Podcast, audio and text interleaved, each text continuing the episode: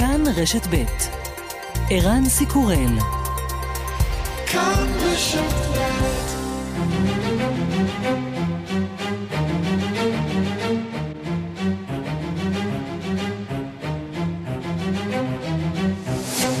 השעה הבינלאומית 14 ביוני 2023 והיום בעולם. חודשיים אחרי שנעצר בגלל אישום אחר בניו יורק, נשיא ארצות הברית לשעבר דונלד טראמפ התייצב בבית משפט פדרלי בפלורידה ושמע את סעיפי האישום בפרשת המסמכים המסווגים. הוא לא נאזק, טען לחפותו ושוחרר. טראמפ טוען מדובר ברדיפה פוליטית.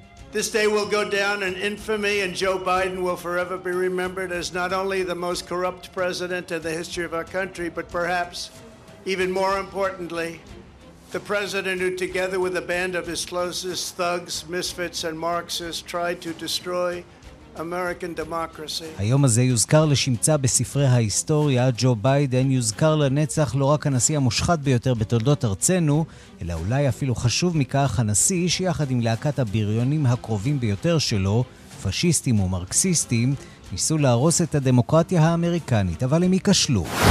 במתקפה רוסית על העיר אודסה נהרגו שלושה בני אדם. יועצו של נשיא אוקראינה אומר כי הטילים שבאמצעותם תקפו הרוסים את העיר הכילו לפחות 40 רכיבים זרים. הוא קרא להרחיב את הסנקציות נגד רוסיה, בעיקר נגד הגורמים שמסייעים לרוסיה לייצר כלי נשק. לכור הגרעיני בזפוריז'ה בא אתמול ראש הסוכנות הבינלאומית לאנרגיה אטומית רפאל גרוסי. הוא סיפר על ירידה במפלס המים המקררים את הכור והביע דאגה מן המצב באתר לאחר הפצצת הסכר. This would not necessarily be a cause for immediate danger, but it is a serious situation because you are limited to the water you have there. If there was a break in the, uh, in the gates that contain this water or anything like this, you would really lose all your um, זאת לא בהכרח סיבה לסכנה מיידית, אבל המצב מדאיג משום שהקירור מוגבל כעת למים שנמצאים שם כרגע, אם תהיה פריצה בחומות של מאגר המים או משהו מהסוג הזה, אנו עלולים לאבד את כל יכולת הקירור. האם רוסיה העבירה נשק גרעיני לשכנתה ובעלת בריתה בלרוס? נשיא בלרוס לוקשנקו מרמז שכן. Бомба в три раза мощнее, чем Хиросима и Нагасаки.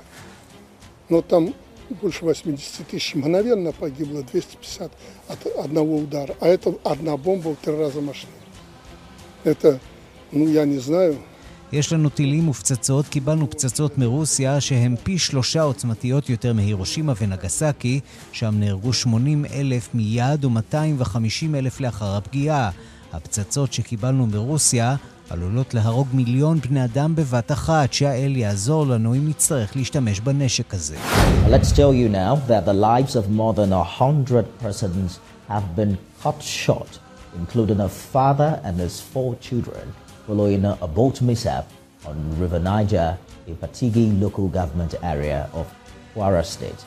בניגריה כמאה הרוגים בהתהפכות סירה שהחזירה אורחים מחתונה. הסירה שהייתה עמוסה במאות אנשים התהפכה בנהר בשעת לילה מאוחרת, ובמשך שעות ארוכות איש לא ידע על התאונה. הרשויות מחפשות כעת אחר ניצולים נוספים.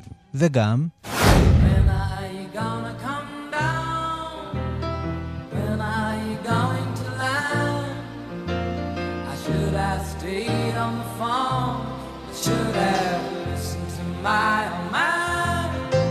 מסע הפרידה של אלטון ג'ון על דרך האבנים הצהובות נמשך ואיתו הרווחים, עד כה גרף בסדרת המופעים האחרונה כמעט מיליארד דולרים.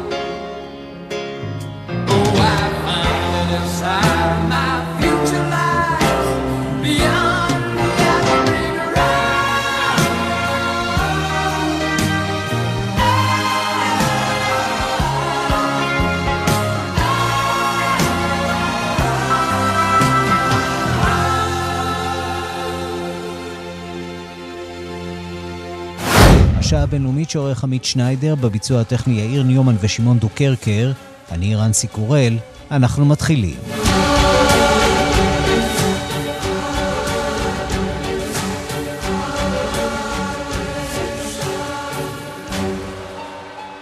לכם, ועוד לפני חדשות החוץ, אנחנו למופע הדי מדהים שמתחולל מול עינינו בכנסת, שם החלה ההצבעה לוועדה לבחירת שופטים. בתווך סוג של מרד בליכוד שמובילה חברת הכנסת אה, טלי גוטליב, חיבוק דוב מליברמן, וגם אה, איומים לקריסת המשא ומתן בבית הנשיא. שלום לכתבנו בכנסת זאב קם באולפן אה, רשת ב'. שלום ערן, אחר הצהריים טובים. זה כן. נראה מוזר. כן, אתה יודע, בסוף התכנסנו כאן כדי אה, לבחור נציגים, אה, לא כדי לא לבחור אותם, mm-hmm. אבל בסוף היה חשש אמיתי. אבי דיכטר. אגב, אנחנו, אנחנו ברגע שומעים את, את המליאה, זה אומר שהגענו לאות ד' בהצבעה.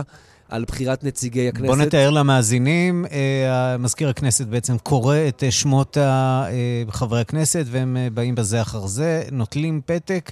ופונים להצבעה חשאית בזה אחר זה. מאחורי פרגוד, נכון, מאחורי פרגוד, לתוך קלפי. אה, וצריך להגיד, אנחנו ככה עוסקים בוועדה למינוי שופטים, אבל גם בוחרים פה עוד נציגים לוועדה למינוי דיינים, קאדים וכולי. זה מתנהל כרגיל, ולכן לא הייתי מבטל את ההצבעה היום בכל זאת. אבל זה נכון שהמיקוד שלנו אה, ושל הפוליטיקה הוא בוועדה למינוי שופטים. אה, וצריך להגיד, תראה, זה נשמע מוזר. הקואליציה קיבלה החלטה... אלי דלל. למעשה, להצביע נגד המועמדים, ובעצם לייצר מצב שבו אין אה, נבחרים בסוף היום הזה לוועדה למינוי שופטים, ואז בעוד 30 יום יש בחירות חוזרות כדי לבחור, או לנסות, או לנסות לבחור שוב. אז בוא תעשה לנו ככה תקציר, אה, ממש על קצה המזלג של מה שקרה ביום הזה למי שמצטרף אלינו ממש עכשיו, ולא מצליח לעקוב אחר המסע המטלטל הזה שבין האישור לאי-אישור הוועדה, החברים כן. החדשים בוועדה. התחלנו את היום הזה בהחלטה של נתניהו, של ראש הממשלה, שבסופו יהיה נציג קואליציה ונציג, ונציג אופוזיציה. נתניהו רוצה בהמשך השיחות בבית הנשיא, הוא לא רוצה שיתפוצצו, ולכן הוא החליט ללכת לכיוון הזה. כשהוא יבין, אחרי ניסיונות שכנוע שלו, כשהוא יבין שטלי גוטליב מהליכוד לא מוכנה להסיר את המועמדות שלה, ולמרות הפצרות רבות ואפילו איומים, היא נשארת, הוא חשש שמאחורי הפרגוד, בהצבעה חשאית, יהיו מורדים גם מהקואליציה וגם מהאופוזיציה, שיתמכו בה. כדי להביך את נתניהו, כדי לגרום לפיצוץ השיחות בבית הנשיא, ובסופו של יום יהיו בסוף שני נציג הקואליציה. הנציג המקורי, יצחק קרויזר מעוצמה היהודית, שהיה אמור להיבחר בכל מקרה, וטלי גוטליב, שתקבל עזרה מכל מיני אנשים שרוצים אה, בכך שהשיחות יתפוצצו, ולכן יצביעו עבורה, עבור המטרה הזו. והוא פחד מהסיטואציה הזו. וכדי למנוע מצב שבו יהיו בסוף שני נציגי קואליציה, מחליט נתניהו בעצה אחת עם ראשי מפלגות הקואליציה, אגב, רעיון שהציע אותו שמחה רוטמן, יושב ראש ועדת החוקה, הוא מחליט שהם מצביעים נגד כל המועמדים היום, כלומר, כל השאר מורידים את המועמדות שלהם, יישארו בסוף שני מועמדים, קארין אלהרר של האופוזיציה וטלי גוטליב של הקואליציה. כל חברי הקואליציה נדרשים להצביע נגד שתיהן, להצביע הצבעת, אה, הצבעה שלילית שאומרת לא רוצים לא את זו ולא את זו.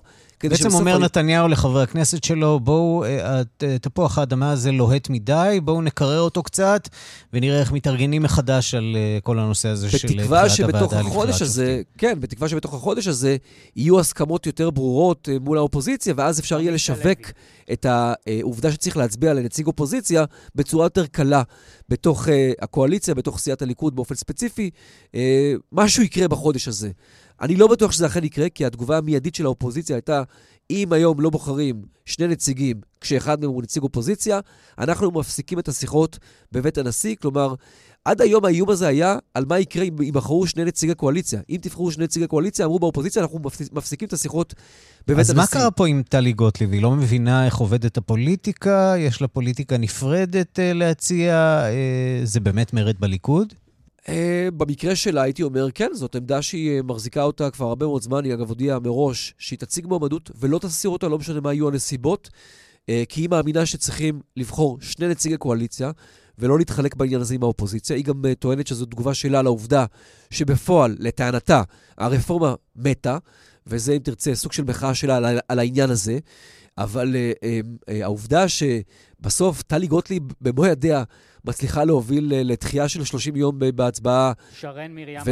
וכנראה, הפסקה או פיצוץ של השיחות בבית הנשיא, זה בהחלט אה, תגובת שרשרת שאני לא בטוח שבקואליציה אה, לקחו אותה מראש, אה, אם כי הביעו חשש מהאפשרות הזו, אבל קיוו שזה לא יקרה.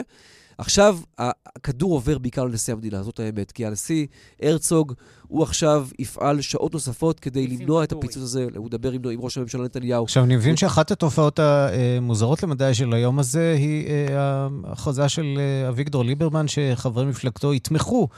בטלי גוטליב אה, לוועדה למינוי שופטים. חברי אופוזיציה שמתכוונים לתמוך במועמדת הקואליציה. שכבר איננה מועמדת הקואליציה, לא משום שיש להם אה, זהות אינטרסים ואידיאולוגיה משותפת, יש פה אה, במידה רבה באמת אה, ניסיון לחבל בשיחות בבית הנשיא. ולהביך את נתניהו, כן. לגרום למצב שהתוצאה שהוא רצה שתהיה, לא תהיה בסוף. אבל צריך להגיד, עם כל הכבוד לניסיון של ישראל ביתנו, לאופוזיציה אין רוב, אני מזכיר לך ולמאזינים. ולכן, כמו שאין לה רוב לבחור את קארין אלהרר כנציגת האופוזיציה, גם אין להם רוב לבחור את טלי גוטליב. מה כן יכול לקרות? אם יהיו עוד עריקים, עוד אה, מפרי משמעת קואליציונית בתוך הקואליציה, כמו טלי גוטליב, אם יהיו כמה כאלו במספר משמעותי, אם תצרף לזה את אנשי האופוזיציה, ביחד אפשר ליצור איזושהי תוצאה מפתיעה. אני לא חושב שיש אה, מספר עריקים משמעותי בתוך הקואליציה כדי לייצר את ההפתעה או את הדרמה מהסוג הזה שתיארנו עכשיו, היה, שמאוד היה שמח אביגדור אה, ליברמן שתקרה, ולכן זה ניסיון נחמד ברמה התקשורתית. Mm-hmm. האם בפועל זה יכול להוביל לבחירת קארין אלהרר וטלי גוטליב בסוף היום הזה? ספק רב אם כן. בקצרה, זאב, אה, לוחות הזמנים? אנחנו נמצאים עכשיו באות ה', אה, ו', כבר, הנה, ניסים ואטורי עכשיו מצביע. זה אומר, יש לנו עוד משהו כמו, להערכתי, אה, שעה וחצי, שעתיים לפחות של הצבעה, אחרי זה עוד שעה של ספירת הקולות. התוצאות, ב, כן, בבנימין יוגואטה, אתם מוזמנים להישאר איתנו אה, כאן ברשת ב', אנחנו נביא לכם כמובן את כל העדכונים אה, גם בזמן אמת, אם תהיה איזושהי דרמה או התפתחות אה, מן הכנסת, אנחנו כמובן נשוב אליך זה וכם כתבנו, תודה רבה לך. בשמחה. ושלום לפרשננו הפוליטי יואב קרקובסקי. שלום ערן צהריים. אתה יודע, אם אה, לא היינו משלמים על כל האירוע הזה, אפשר היה אולי להביט בו מהצד וקצת אה, לגחך, אבל אה, בעיה שזו הכנסת שלנו וזו ההתנהלות, והכול אה, על כרי תרנגולת ועל סף פיצוץ. יואב קרקובסקי איתנו על הקו, או שכבר לא על הקו איתנו? ננסה לחדש את הקשר. אני, אתה שומע אותי, ערן? עכשיו אני שומע אותך היטב, כן. ערן? כן, שומע או. אותך. אז אה, עכשיו אני שומע אותך היטב. אני אגיד לך בשורה, אה, לא שמעתי את השאלה, אבל אני אתן לך את התשובה אם אפשר. אה, מה כן, כמובן, כאן, אתה, זה, זה סוג של כישרון כזה, לתת תשובה ללא שאלה. היה כאן ניסיון של בנימין נתניהו להרוויח זמן. עוד 30 יום, לכאורה, שבהם אפשר יהיה אולי להגיע לאיזשהם סיכומים עם האופוזיציה. הוא חשב שאם הוא יעביר מסר לקואל... לאופוזיציה, תשמעו, זה עניין פנימי שלנו, אה, דחיית הבחירות האלה ב-30 ימים, זה יתקבל בברכה. אבל הוא מגלה את בני גנץ מולו ואת יאיר לפיד, שמראש לשניהם רמת האמינות בנתניהו היא נמוכה. בני גנץ רומה על ידי בנימין נתניהו בממשלה המשותפת שלהם. לגבי הרוטציה, יאיר לפיד מגיע מראש עם רמת אמון מאוד נמוכה בנתניהו, והמהלך הזה שמתרחש היום, גם אם בסופו תהיה אה, אה, ועדה למינוי שופטים, מה שסביר להניח לא יקרה, כפי שמעריך נכון זאב קם, נשבר אמון ש... שאותו יהיה קשה עד בלתי אפשרי לשקם בשיחות הנשיא. ואת הדבר הזה בנימין נתניהו גרם היום כאשר נכנע ליריב לוין ושמחה רוטמן. זאת האמת ואותה צריך להגיד. נתניהו חשב שהוא עושה כאן תרגיל פוליטי מנצח, בסוף הוא יגלה את הרחוב מולו ושוב את הבעיות הכלכליות-חברתיות שיצאו לאיזושהי הפוגה עם תחילתם של, של שיחות הנשיא, לצד המשבר המדיני המאוד חמור מה זה אומר אה, לגבי היכולת, יכולת ההישרדות אה, של אה, ממשלת נתניהו בנקודה הזאת, שבה באמת הקואליציה מצד אחד מאוחדת, כיוון שאין לה באמת אלטרנטיבות טובות, לפחות על פי הסקרים, בחירות זה לא אופציה. אה, מה הסיכוי סיכון שהממשלה אה, בעצם תתפרק על האירוע הזה? זה סיכון שקיים, אבל אני חושב שאתה נתת את, ה, את התשובה בתוך השאלה. הקואליציה מתאחדת בתוך עצמה. גם ירידה בסקרים שהייתה קודם לכן, אה, בשבועות שבהם המחאה הייתה בשיאה בקפלן ובכל רחבי הארץ, זה רק לא מחזק את הלכידות. של הממשלה. כן. בדיוק, כי הם יודעים שבחוץ קר ואין טעם לצאת לבחירות, אז הם מחזקים את, ה, את, ה, את האחיזה בפנים בכיסאות עור הצבי שהם מאוד מאוד נוחים. לא ישבתי מעולם, אבל מספרים שזה נוח. אז אני חושב שבהיבט הזה אה, אין סיכון ליציבות קואליציונית בטווח הנראה לעין, התקציב גם עבר. אבל מבחינת הלגיטימציה אה, אה, הציבורית, הפגנות בלפור שנמשכו כמעט שלוש שנים, כרסמו בלגיטימציה של ממשלות נתניהו והביאו בסוף לממשלת שינוי. השאלה אם זה מה שיקרה גם עכשיו, אין ספק שמה שעושה עכשיו בנימין נתניהו בכך שהוא נותן יד לקיצוניים בממשלתו, הוא במידה מסוימת אה, נותן אה, רוח גבית למחאה שיכולה לפגוע בלגיטימציה הציבורית והבינלאומית שיש לו. היה איזשהו שקט ברמה הדיפלומטית, mm-hmm. עכשיו בנימין נתניהו יצטרך עוד פעם להסביר את התרגיל הפוליטי הזה, שאולי לחבריו בקואליציה ואולי לכמה גורמים באופוזיציה זה עוד ברור, אבל אפילו לכלל הציבור התרגיל הזה לא ברור, ובוודאי שבבית הלבן עוקבים אחרי הדברים האלה כדי לראות לאן הולכת מה שהם מכנים אותו הפיכה משטרית, מה שבנימין נתניהו, רוטמן ולוין מכנים רפורמה. לדבר הזה אין ספק, יש בעיה, יש, אה, זה אירוע מכונן היום, זה לא אירוע קטן שנמצא רק בפרלמנט הישראלי, הוא נבחן גם במקומות אחרים, נתניהו יודע את זה, הוא קיווה שהוא יוכל להכיל את זה. נדמה לי שזה קצת איבוד שליטה שלו על האופן שבו הוא מנהל את הממשלה שלו. יואב קרקובסקי, פרשננו הפוליטי, תודה רבה. תודה, ערן. ואנחנו רוצים אה, להתעדכן על המעורבות של אה, סיעת ישראל ביתנו בתוך אה, הסיפור הזה, וההודעה באמת מפתיעה שלה על הכוונה שלה לתמוך בחברת הכנסת טלי גוטליב לתפקיד חברה בוועדה למינוי שופטים. שלום לכתבנו הפוליטי זאב קם. אה, לכתבנו הפוליטי מיכאל שמש. שלום, שלום ערן. כפי שאנחנו אה, כבר יודעים, אה, לליברמן אכפת בענייני פוליטיקה רק מליברמן, והוא מקבל החלטה בתוך האופוזיציה באופן חד צדדי על תמיכה בחברת הכנסת טלי גוטליב, למרות שהליכוד למעשה הפר את הסיכום עם האופוזיציה, ליברמן אומר, הסיעה שלי תצביע בעד את טלי גוטליב. איך זה משרת uh, דווקא את ליברמן?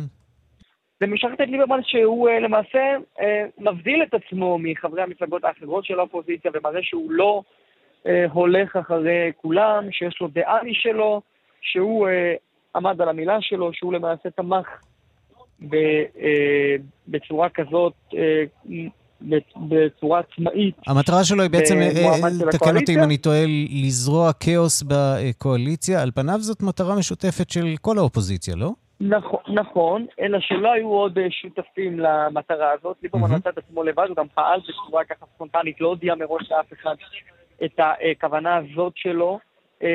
כל האירוע כאן התרחש מהרגע להרגע, ליברמן קיבל את ההחלטה שהוא כבר בתוך המליאה, הוא אפילו ניסה לגייס חברי אופוזיציה, אבל כפי שפרסמנו, הדבר הזה לא קרה בסופו של דבר, ומה שאנחנו מדווחים אה, עכשיו בשגז, אה, לפחות אחד מחברי הכנסת של מפלגת העבודה הצביע בעד חברת הכנסת טלי גוטליב.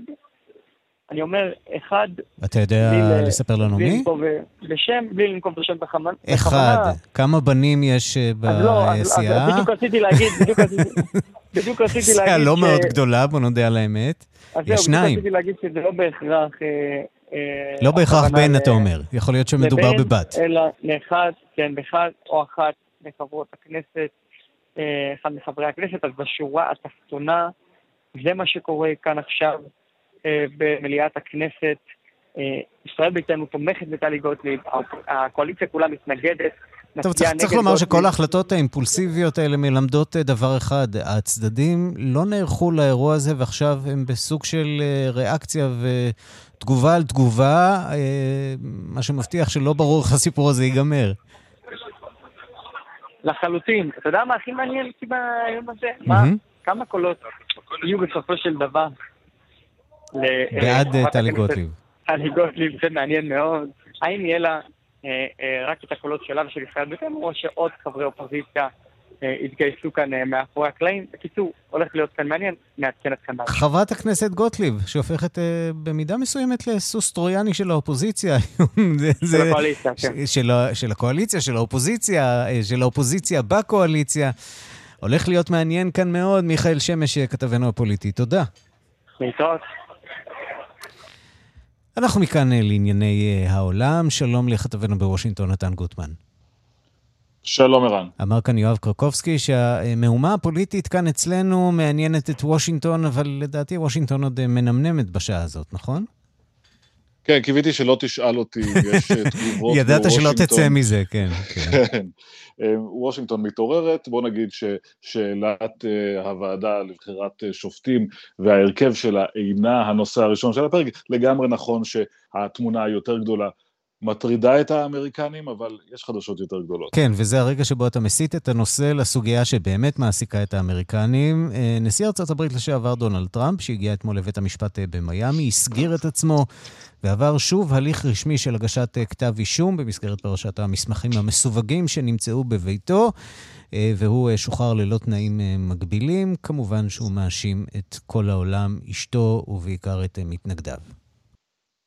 לגמרי, לגמרי, וגם מצליח להפוך את האירוע הזה, את היום הזה, שבו הוא הופך בפעם השנייה בתוך חודשיים לנאשם במשפט פלילי, שבו הוא הופך לראשונה בהיסטוריה של ארצות הברית לנאשם במשפט פדרלי. אגב, משפט פדרלי שעוסק בעבירות אה, של ביטחון לאומי. אמ, הוא מצליח איכשהו למנף את זה לאירוע פוליטי, ואולי אפילו במידה רבה של הצלחה. אה, מה שכל אדם סביר היה יוצא מבית המשפט אולי אבל וחפוי ראש, לא, דונלד טראמפ יוצא ישר אל ההמונים החוגגים. בואו נשמע אולי כמה קולות מחוץ לבית המשפט קודם כל.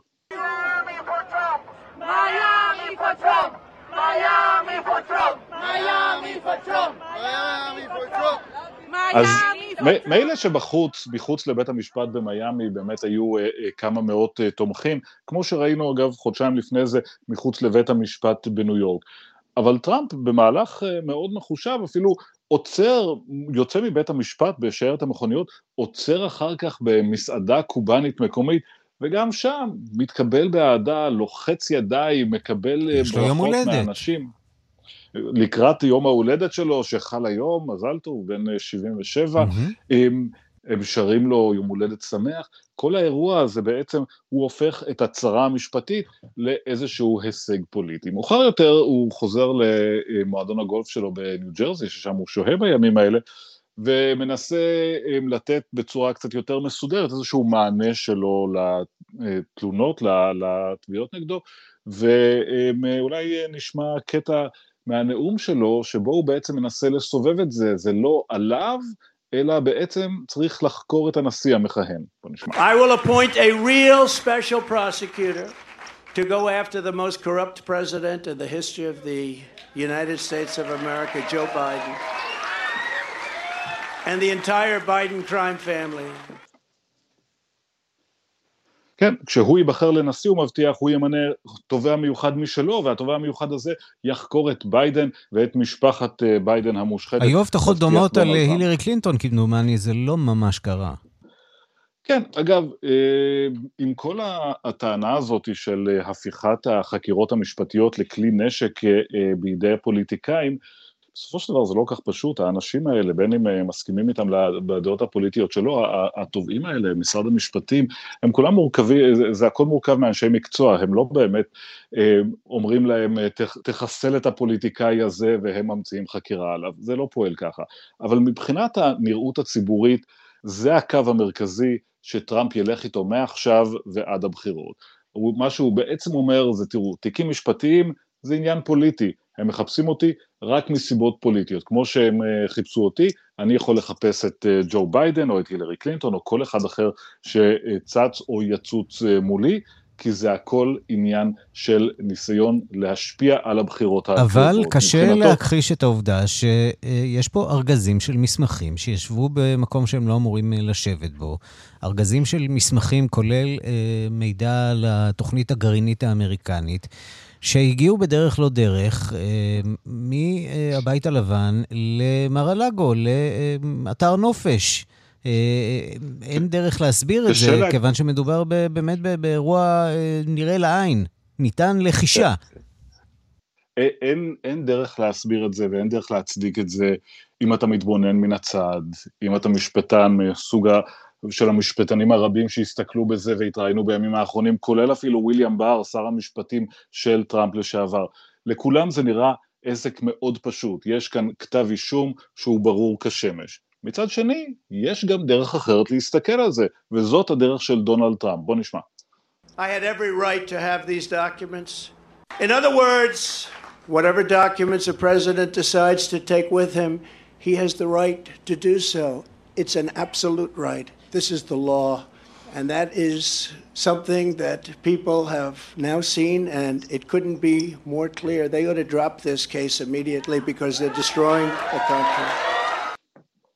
כן, הוא אומר, זה החוק, החוק הוא לצידי בעניין הזה, כל מסמך שנשיא רוצה לקחת, הוא זכאי לקחת, זהו החוק, ולכן צריך להפיל את כל, לבטל את כל התיק המשפטי הזה. שוב, אמ, להגיד שזאת פרשנות מיעוט של החוק, זה, זה, זה יעשה חסד עם הטיעון הזה, אף אחד לא חושב ככה, אבל זה טיעון ציבורי. בבית המשפט הוא לא יוכל להגיע מאוד רחוק עם הטיעון הזה שהחוק מאפשר לו לקחת כל מסמך שהוא רוצה ושברגע שנשיא נוגע במסמך הוא הופך להיות בלתי מסווג באופן אוטומטי. אבל מבחינה ציבורית הוא מעלה כאן את הטיעון שלו ושוב צריך לזכור לכל אורך הדרך זה קרב משפטי שמתנהל, שיתנהל בפלורידה, הקרב החשוב יותר הוא הקרב הציבורי שדונלד טראמפ ינהל בכל רחבי ארצות הברית. נתן גוטמן, כתבנו בוושינגטון, תודה. תודה רבה. אנחנו מכאן לאיטליה. ההלוויה הממלכתית המפוארת של ראש הממשלה לשעבר סילביו ברלוסקוני צפויה בעוד כשעה, והיא גורמת אה, מחלוקת באיטליה. מקצת הפוליטיקאים סבורים שהאבל הלאומי וסגירת אה, בתי הנבחרים למשך שבוע הם צעדים אה, מוגזמים, ושום מנהיג פוליטי לא זכה להם עד היום, ולכן מדוע שברלוסקוני יזכה בהם. מרומא הדיווח של כתבנו יוסי בר. בעוד שעה קלה, בטקס ממלכתי, יובא למנוחת עולמים ראש ממשלת איטליה בעבר סילביו ברלוסקוני. הטקס התקיים בקתדרלה המפוארת במילאנו, הדואומו, בליווי משמר כבוד לאומי ובהשתתפותו של נשיא המדינה סרג'ו מטרלה, ראשי הכוחות הפוליטיים, אנשי עסקים, תרבות ומנהלי האימפריה התקשורתית שהקים. גם מנהיג הונגריה, ויקטור אורבן, האמיר של קטאר, ונשיא עיראק, עבדול לטיף רשיד, אמורים להשתתף בטקס. אבל ההלוויה הממלכתית, האבל הלאומי והשבתת בתי הנבחרים לשבוע גרמו לפולמוס במדינה. ברלוסקוני הוא האישיות היחידה עד היום שזוכה לכבוד גדול כל כך. אנשי ממשל טוענים כי האבל הלאומי ושיתוק הפרלמנט לשבוע מוגזמים ואין כל סיבה שדווקא ברלוסקוני שלדבריהם הרס את כלכלת איטליה וחשב רק על עסקיו הפרטיים יזכה לכבוד חסר תקדים. ואכן חלק מהפוליטיקאים בהם מנהיג מפלגת חמשת הכוכבים ומפלגות השמאל החליטו להחרים את ההלוויה אבל חסרונם ודאי לא יורגש כאשר בין עשרות אלפי האוהדים של ברלוסקוני שהצטופפו סביב הקתדרלה במילאנו ויצפו בטקס מעל מסכי ענק שהוקמו בעיר. רשתות הטלוויזיה של ברלוסקוני וגם הממלכתיות ישדרו בשידור חי את ההלוויה וחלקים ממנה יופצו ברחבי העולם. האיטלקים נהגו עד היום להעניק כבוד לכל מנהיג שהלך לעולמו, גם אם לא סבלו אותו במהלך חייו. הם נהגו לומר כי יש לפרוס שטיח אדום לכל מנהיג שפורש מהזירה הפוליטית ועולה לשמיים. אבל היום לא כך. שעה אחרי שנודע על מותו החלו מנהיגים ופרשנים פוליטיים להכפיש את זכרו של ברלוסקוני הם הדגישו כי ברלוסקוני היה אומנם אחד העסקנים הגדולים במדינה, אך לא עשה מאומה למענה, ואף גרם לנפילתה לתהום כלכלי. הוא היה מושחת והצליח בשלושים השנים האחרונות לחמוק מציפורני החוק בהצלחה רבה. גם האובססיה שלו להביא לביתו נערות ליווי ולהתייחס אליהם כאל סחורה פגעה קשות במעמד האישה. העובדה שרעייתו לשעבר ורוניקה לריו לא שלחה אפילו מכתב תנחומים מחזקת את דעת היריבים. אבל למרות ניסיונות ההכפשה מתברר כי יותר מ-60% מהאזרחים אהבו את ברלוסקוני שהפך את הפוליטיקה האיטלקית מאפורה ומשעממת לתיאטרון משעשע. הם מדגישים כי ברלוסקוני היה למנהיג האיטלקי המפורסם בעולם בזכות התנהגותו קלת הדעת והבדיחות שסיפר. אחת הבדיחות שנשארה חרוטה בזיכרוני הוא כאשר ברלוסקוני מספר על עצמו כי הוא מת, הגיע לגיהנום ונפגש עם אלוהים. di trasformare il paradiso in una società per azioni e di quotarla in borsa. Perché io? בתום פגישה בת שלוש שעות אומר אלוהים, אהבתי מאוד את הצעתך להכניס את גן העדן לבורסה. דבר אחד אני לא מבין, מדוע עליי להיות רק סגן החברה? כאן יוסי בר, רומא.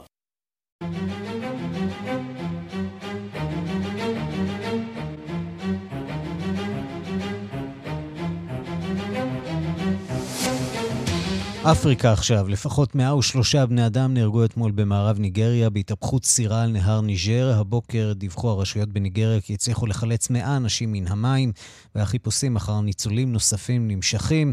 מדווחת עורכת ענייני אפריקה, רינה בסיסט. סירה שנשאה לפחות 300 בני אדם התהפכה אמש על נהר ניג'ר באזור זרימתו במחוז קווארה במערב המדינה. רבים מהנוסעים היו אורחים שחזרו מחתונה במחוז ניג'ר השכן.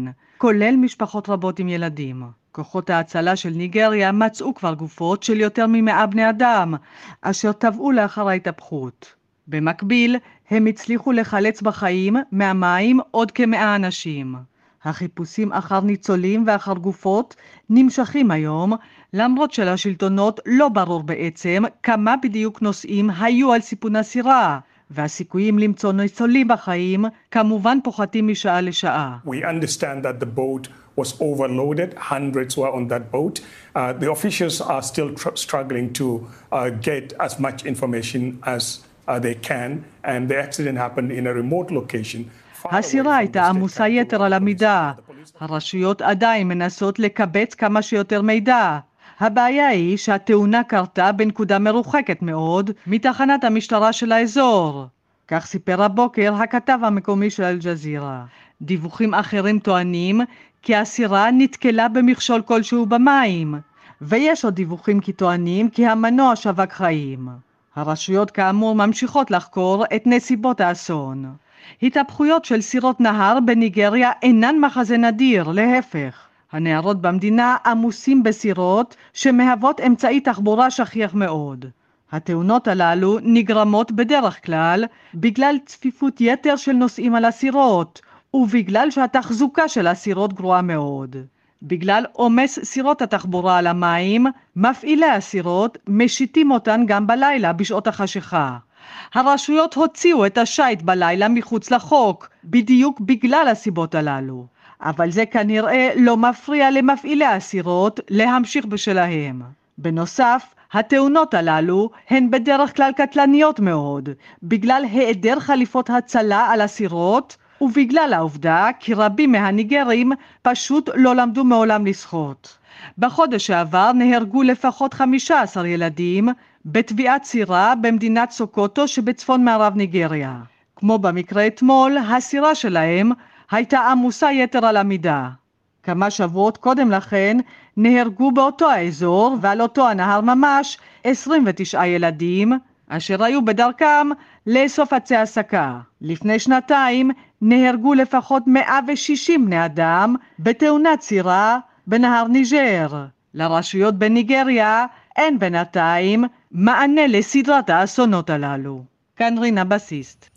ומאסון אה, תביעה אחד לאסון תביעה אחר, סמוך לחופי יוון, שוב התהפכה הבוקר סירת מהגרים, הפעם זה קורה סמוך לחופי פילוס שבדרום המדינה. פילוס, אה, משמר החופים אה, עדכן שמניין המהגרים שטבעו המיר בשעות האחרונות ל-59.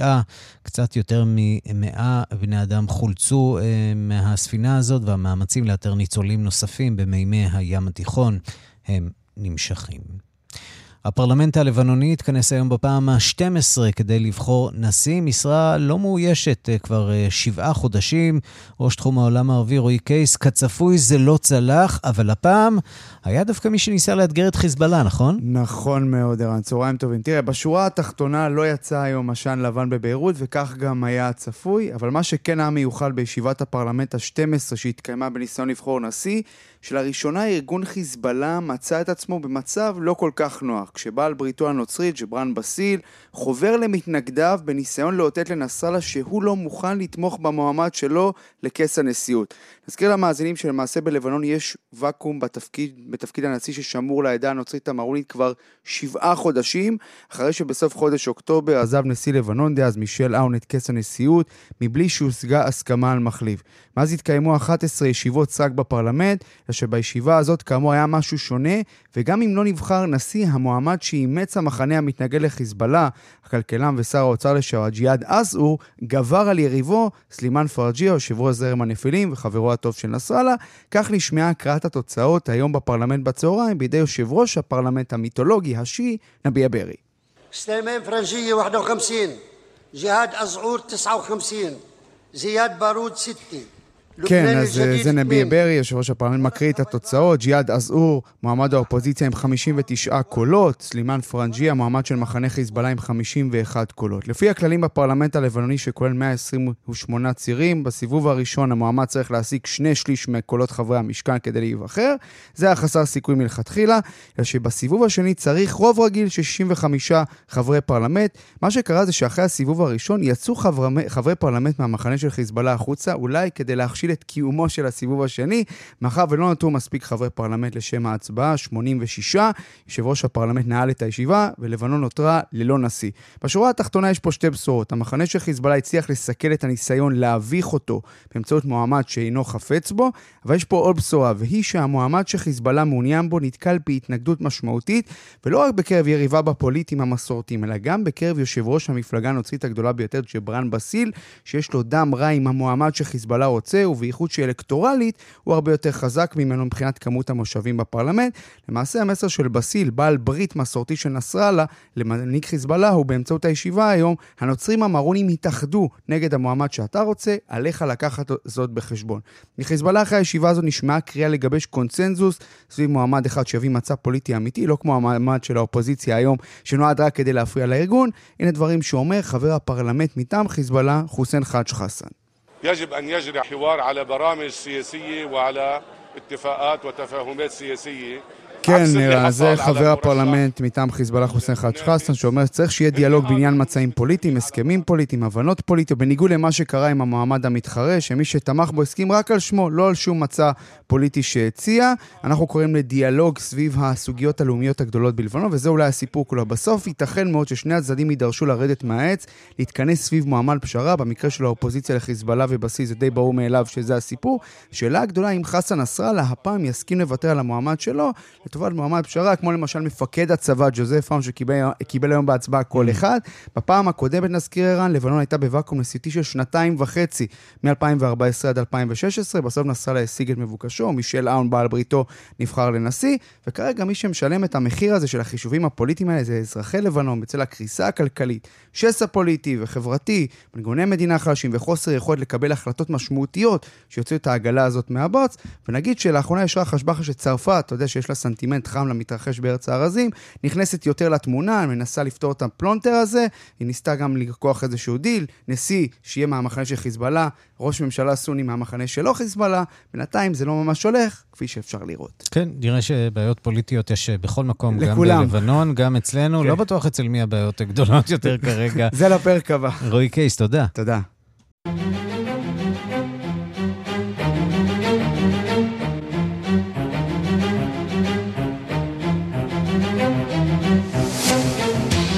הסופר האמריקני זוכה פרס הפוליצר קורמרק מקארתי הלך אה, לעולמו והוא בן 89. הוא נחשב לאחד מגדולי הסופרים האמריקנים במאה האחרונה, כתב בין היתר את הדרך, לא ארץ לזקנים שעובדו לקולנוע ואת הרומן קו אה, אורך אה, דם.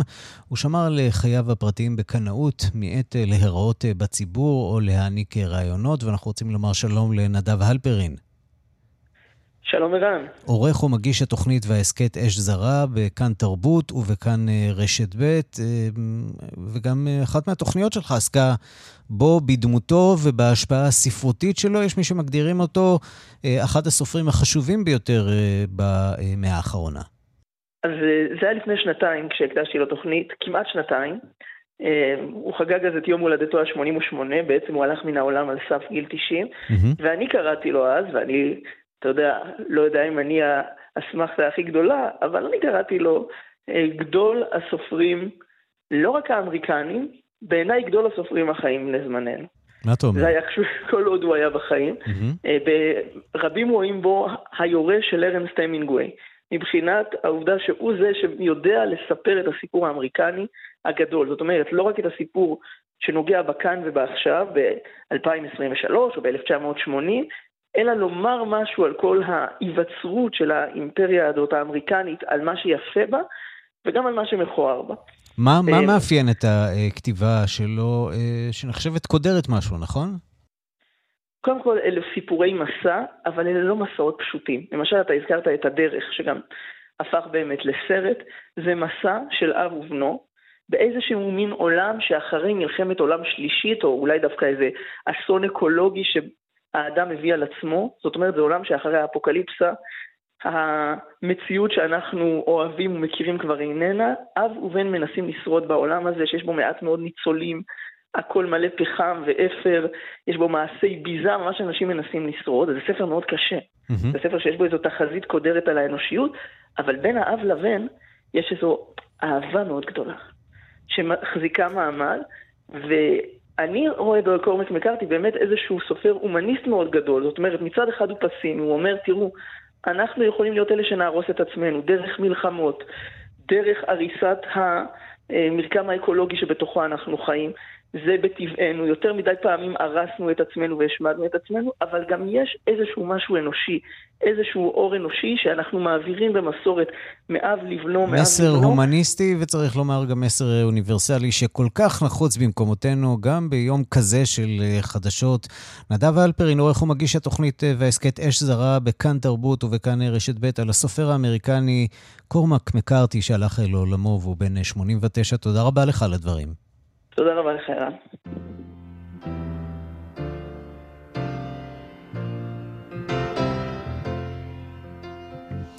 כן, כבר, כבר 900 מיליון אה, דולרים עשה אה, הזמר הזה, אלטון ג'ון, עם המופע, מופע הסיום שלו, מופע הפרידה, דרך האבנים הצהובות. והיד עוד אה, נטויה, מופע הטרום פנסיה של אלטון ג'ון שמצליח יותר מהמתוכנן. sign up